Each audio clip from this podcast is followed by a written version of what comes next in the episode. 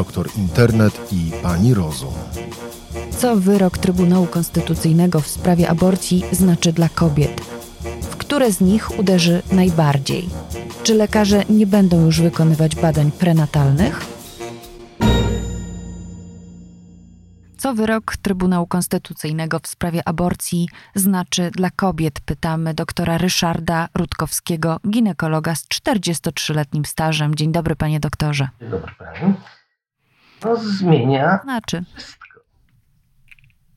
Zmienia wszystko, dlatego że do tej pory przy kruchym kompromisie, który był wielu lat, były trzy przesłanki do legalnego przerwania ciąży, czyli terminacji ciąży w Polsce. Po wyroku Trybunału zostały dwie przesłanki. Można powiedzieć, no a jedna odpadła, dwie zostają ok. Tym, że najważniejsze jest to, że 95, a nawet jak niektórzy mówią 97% terminacji ciąży w Polsce były terminacje z powodu wad genetycznych wad anatomicznych, które uniemożliwiają godne życie dziecka. Ja już mówię życie płodu, ale godne życie dziecka po urodzeniu. I 3 do 5% to są te przypadki, które dzisiaj możemy terminować. Czyli przypadki, że ciąża jest następstwem gwałtu i choroby matki, które mogą ulec zaostrzeniu, a nawet doprowadzić do zgonu matki płodu. Panie doktorze, te, te przesłanki, y, przesłanka usunięta, wad genetycznych, nawet napisano przyczyny embryopatologiczne. Co to znaczy tak naprawdę? O czym my mówimy? O jakich wadach, których, które dzisiaj nie będą przesłanką do zakończenia ciąży? Proszę Pani, mówimy głównie o wadach genetycznych, które występują najczęściej. Czyli pierwsza rzecz to jest zespół Downa. Zespół Downa jest główną przyczyną terminacji ciąży.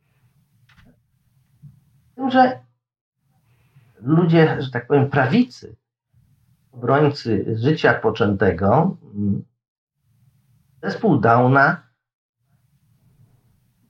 grupują tylko do wad tak powiem, psychicznej, do problemu choroby psychicznej, nie do rozwoju umysłowego.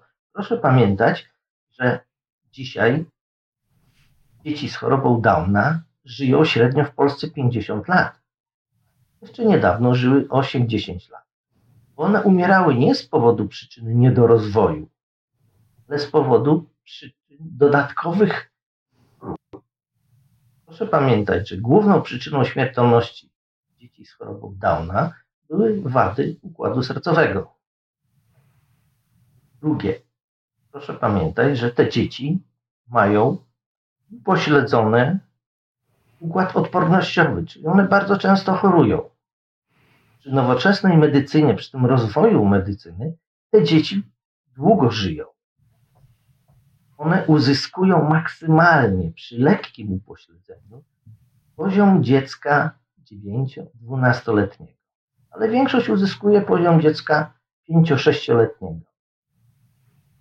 Te dzieci nigdy nie mogą samodzielnie one samodzielnie nie mogą zamieszkać, nie mogą się samodzielnie uczyć, nie mogą samodzielnie zostać y, posłane do pracy. Oczywiście mogą wykonywać proste czynności pod opieką innych ludzi, ale samodzielnie nie.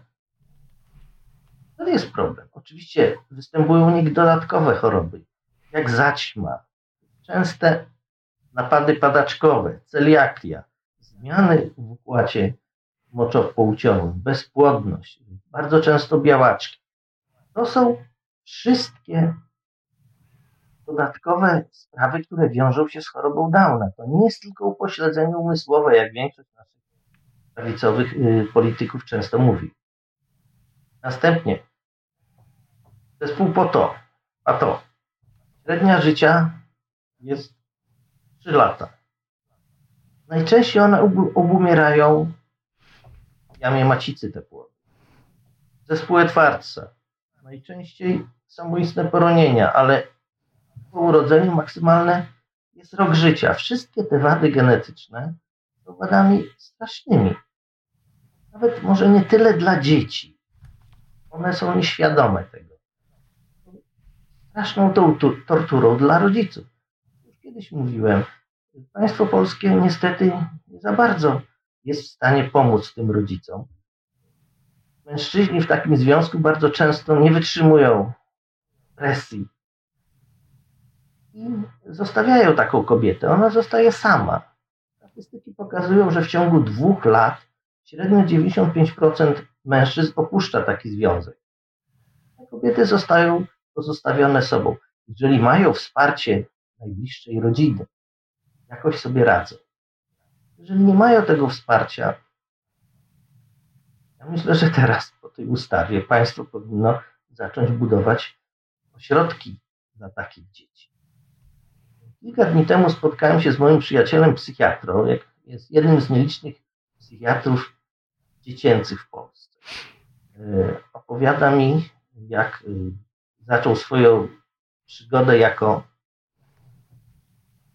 lekarz psychiatra w ośrodku dla takich dzieci.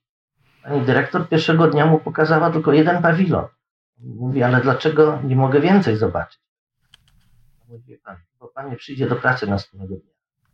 Ona go systematycznie wprowadzała problem, jak wyglądają te dzieci, jak taka opieka wygląda.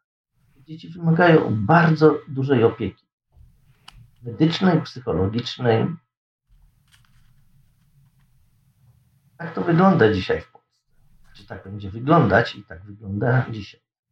Problem dotyczy. Doktorze, Proszę powiedzieć, a jak wyglądają te wady e, straszne, takie wady, e, które są nagłaśniane, czyli na przykład właśnie bezmózgowie, czy te przypadki e, dzieci, które się z takimi wadami urodzą i żyją zaledwie kilka godzin w hospicjum perinatalnym. Takich hospicjów jest oczywiście bardzo mało. Mówi głównie w tej chwili o wadach anatomicznych. Poprzednio mówiliśmy o wadach genetycznych. Wady anatomiczne widzimy w badaniach USG już. No, to bezmózgowie. No, prawdę mówiąc, takie dziecko żyje chwilę po porodzie, jeżeli nie umiera przy samym porodzie. Jeżeli nie ma mózgu, nie wiem, czy to można powiedzieć, że to jest nawet roślinka, czy to nawet nie jest roślinka. Takie dziecko szybko umiera. Oczywiście są wady lżejsze, no, jak brak paluszka, no, to nie jest problem. Ale jak, jak już brak nóg duże wady anatomiczne serca, które nie wszystkie możemy naprawić. Są wady anatomiczne, które my naprawiamy. Ufalota, zespół przestawienia dużych naczyń, zaraz po porodzie, jeżeli jest to wykryte w czasie ciąży u płodu, lekarz powiadamia ośrodek, najbliższy ośrodek chirurgii, kardiochirurgii dziecięcej. Te dzieci zaraz po porodzie są przewiezione do takiego ośrodka, gdzie te dzieci poddawane są natychmiastowej operacji, która pozwala im dalej żyć. Nigdy to życie fizyczne później nie jest takie idealne, ale jednak żyją i żyją w miarę godnie. Dlatego często, jeżeli wykrywamy takie wady, polecamy pacjentce rodzić w takim ośrodku, gdzie jest już ta chirurgia, kardiochirurgia dziecięca, lub blisko takiego miejsca, żeby był szybki transport. Jednak transport noworodka jest bardzo ryzykowny. Wymaga specjalnej pomieszczenia, w którym ten dzieciak jest wieziony, dobrego natlenienia, ciepła, wilgoci. Jest to dość skomplikowane, więc ważny jest też czas. No, wady anatomiczne, zarośnięcie cewki moczowej to też yy, u płodów jest na, Częściej u chłopców, którzy mają długą cewkę moczową i tam zastawka przyrasta. Jeżeli się czegoś takiego nie naprawi w ciąży, to dochodzi do wododerczej, uszkodzenia nerek. Tak samo wady w układzie pokarmowym. Pewne wady możemy naprawić, innych wad się nie da naprawić. Jeżeli są wady kręgosłupa, czyli wyjście z rdzenia kręgowego i rdzeniowo-mózgowe. Część ich się naprawia, część ich nie naprawia. U części tych dzieci zostają później problemy z chodzeniem, niedowłady, nietrzymanie moczu, nietrzymanie stolca. Ale to są wady, z którymi te dzieci mogą żyć. Teraz kwestia, czy to życie jest takie godne. To jest często poruszane, że te dzieci nie cierpią. Jest to trudno weryfikowalne, dlatego że my nie umiemy stwierdzić, czy płacz dziecka jest z powodu tego, że on po porocie musi sobie płuca rozprężać, czy ktoś go boli, czy ma kolkę, czy ma inne przyczyny bólu. Dziecko nam tego nie powie. Czy do tej pory te wady anatomiczne, o których Pan mówi, niekoniecznie może te lżejsze, ale cięższe, były przesłanką do wykonania aborcji, a teraz nie są? Część tak. No jeżeli jest bezmózgowie, no to nie ma szansy dziecko. No, rozszczepy kręgosłupa raczej nie były przesłanką do przerwania, bo one są naprawcze. Z tym, że tak jak mówię, jeżeli są to bardzo drobne przepukliny, nisko w kręgosłupie, no to operacje neurochirurgiczne powodują, że często udaje się prawie całkowicie zni zniwelować tą wadę. Ale przepukliny duże, obejmujące większy odcinek kręgosłupa, nie zawsze się da to naprawić. Te dzieci umierają. Panie doktorze, powiedział pan, że większość, wiele takich wad e, wychodzi w badaniach prenatalnych. E, po wyroku Trybunału Konstytucyjnego pojawiły się głosy, że teraz badania prenatalne nie będą już potrzebne. Ja chciałam pana poprosić, żeby pan wytłumaczył dokładnie, czym są te badania, bo rozumiem, że to nie jest tylko i wyłącznie amniopunkcja i nie są to tylko i wyłącznie badania genetyczne. Badania prenatalne zaczynamy już we wczesnej ciąży. Pierwszym badaniem prenatalnym jest USG.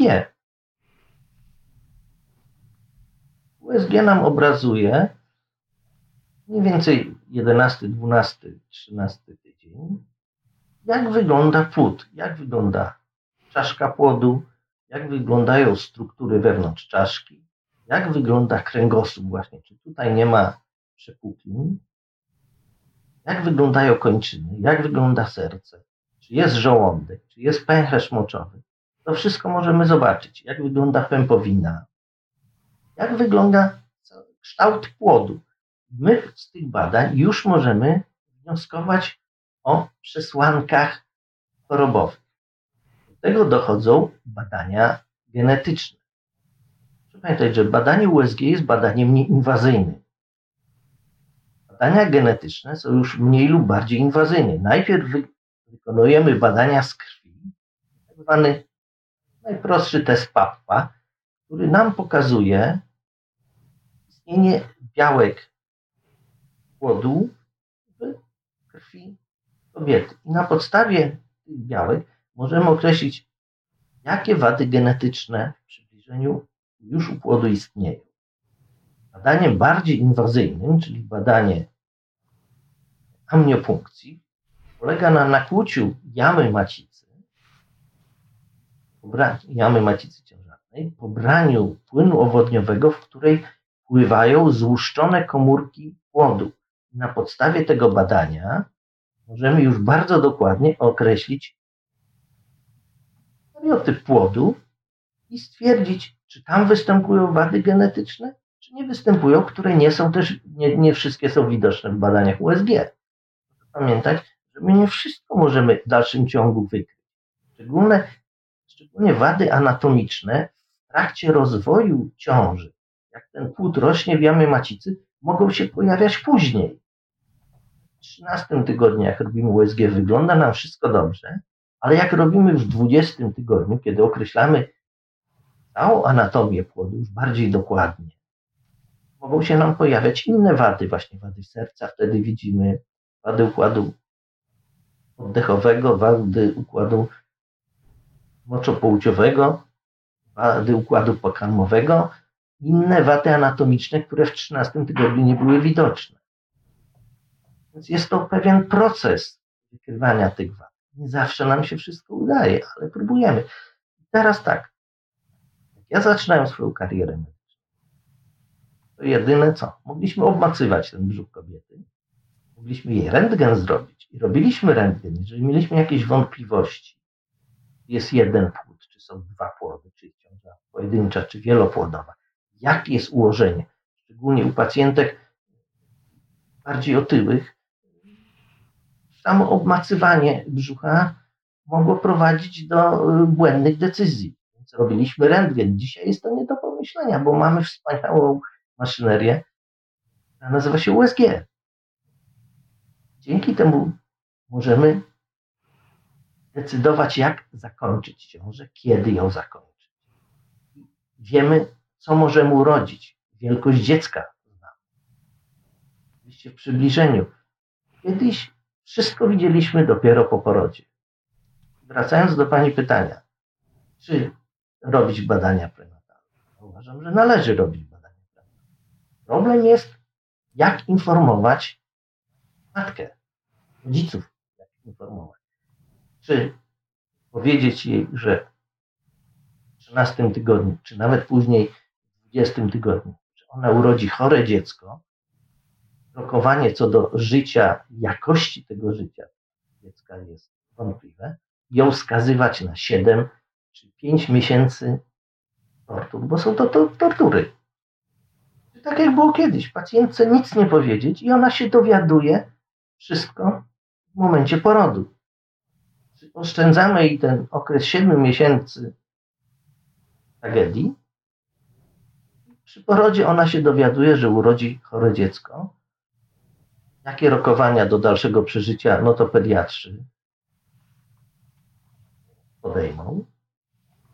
Tutaj chciałem powiedzieć, że problem tej ustawy, problem aborcji dotyczy trzech specjalizacji, bo wszyscy inni lekarze w sumie się bardzo mało wypowiadają. Dotyczy, dotyczy to nas, ginekologów położników, dotyczy to pediatrów, czy tam lekarzy noworodkowych, dotyczy to psychiatrów dziecięcych. Oczywiście kardiochirurdzy dziecięcy, neurochirurdzy dziecięcy, inne specjalności dziecięce też są w to włączone.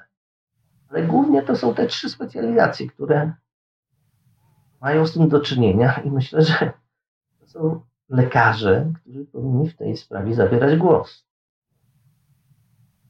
Ale zabierają politycy. Ja chciałam pana zapytać o to, co powiedział pan nam w wywiadzie, ale też w innych mediach, że ta ustawa uderzy przede wszystkim w kobiety biedne, w kobiety wykluczone, w kobiety ze wsi, nie te z wielkich miast, zamożne i świadome. Ja powiedziałem, że zgrozo wyborców PiSu. Tak.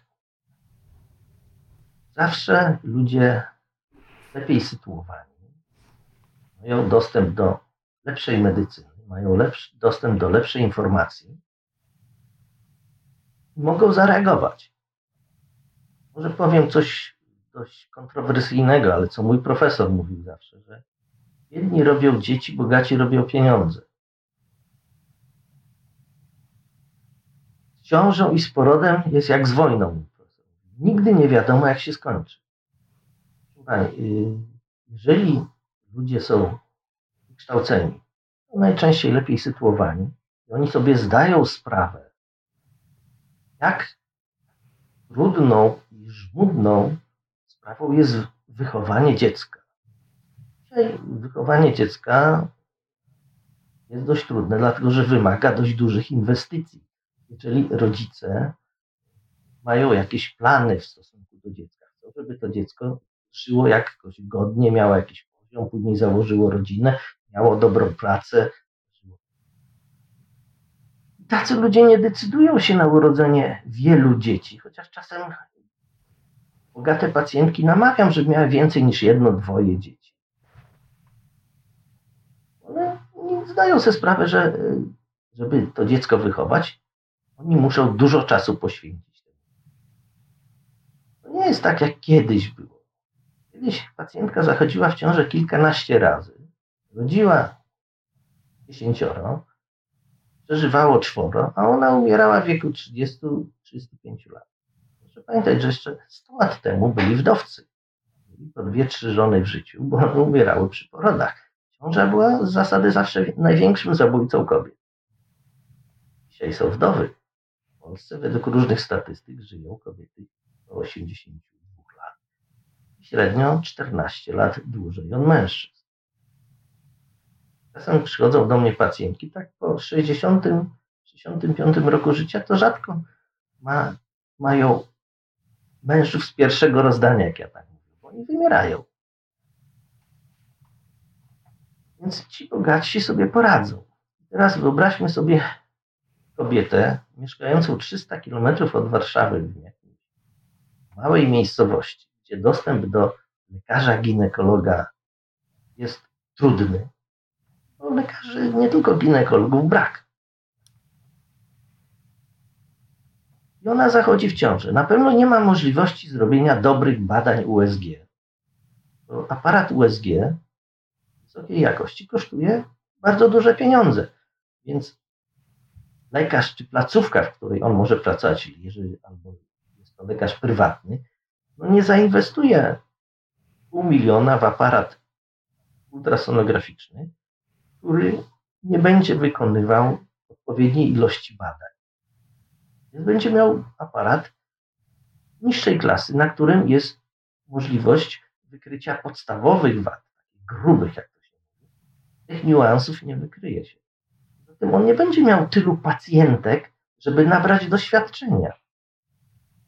Jest w Polsce kilkudziesięciu wybitnych ultrasonografistów, w dużych ośrodkach, najczęściej akademickich, no, którzy potrafią cuda dokonać. Ja zawsze wymieniam Tomka Roszkowskiego, bo jestem warszawskim ginekologiem, Żenę Dębską, Piotra Krektowicza. To są lekarze, czy profesora Wielgosia, którzy nawet na gorszym aparacie potrafią zobaczyć dużo więcej. Ale oni są w dużych ośrodkach. Dostęp takiej przeciętnej pani z, z prowincji do takich fachowców jest żaden. To brzmi to przerażająco. Bardzo dziękuję, panie doktorze. Wydaje się, że to jeden z najbardziej smutnych odcinków naszego cyklu.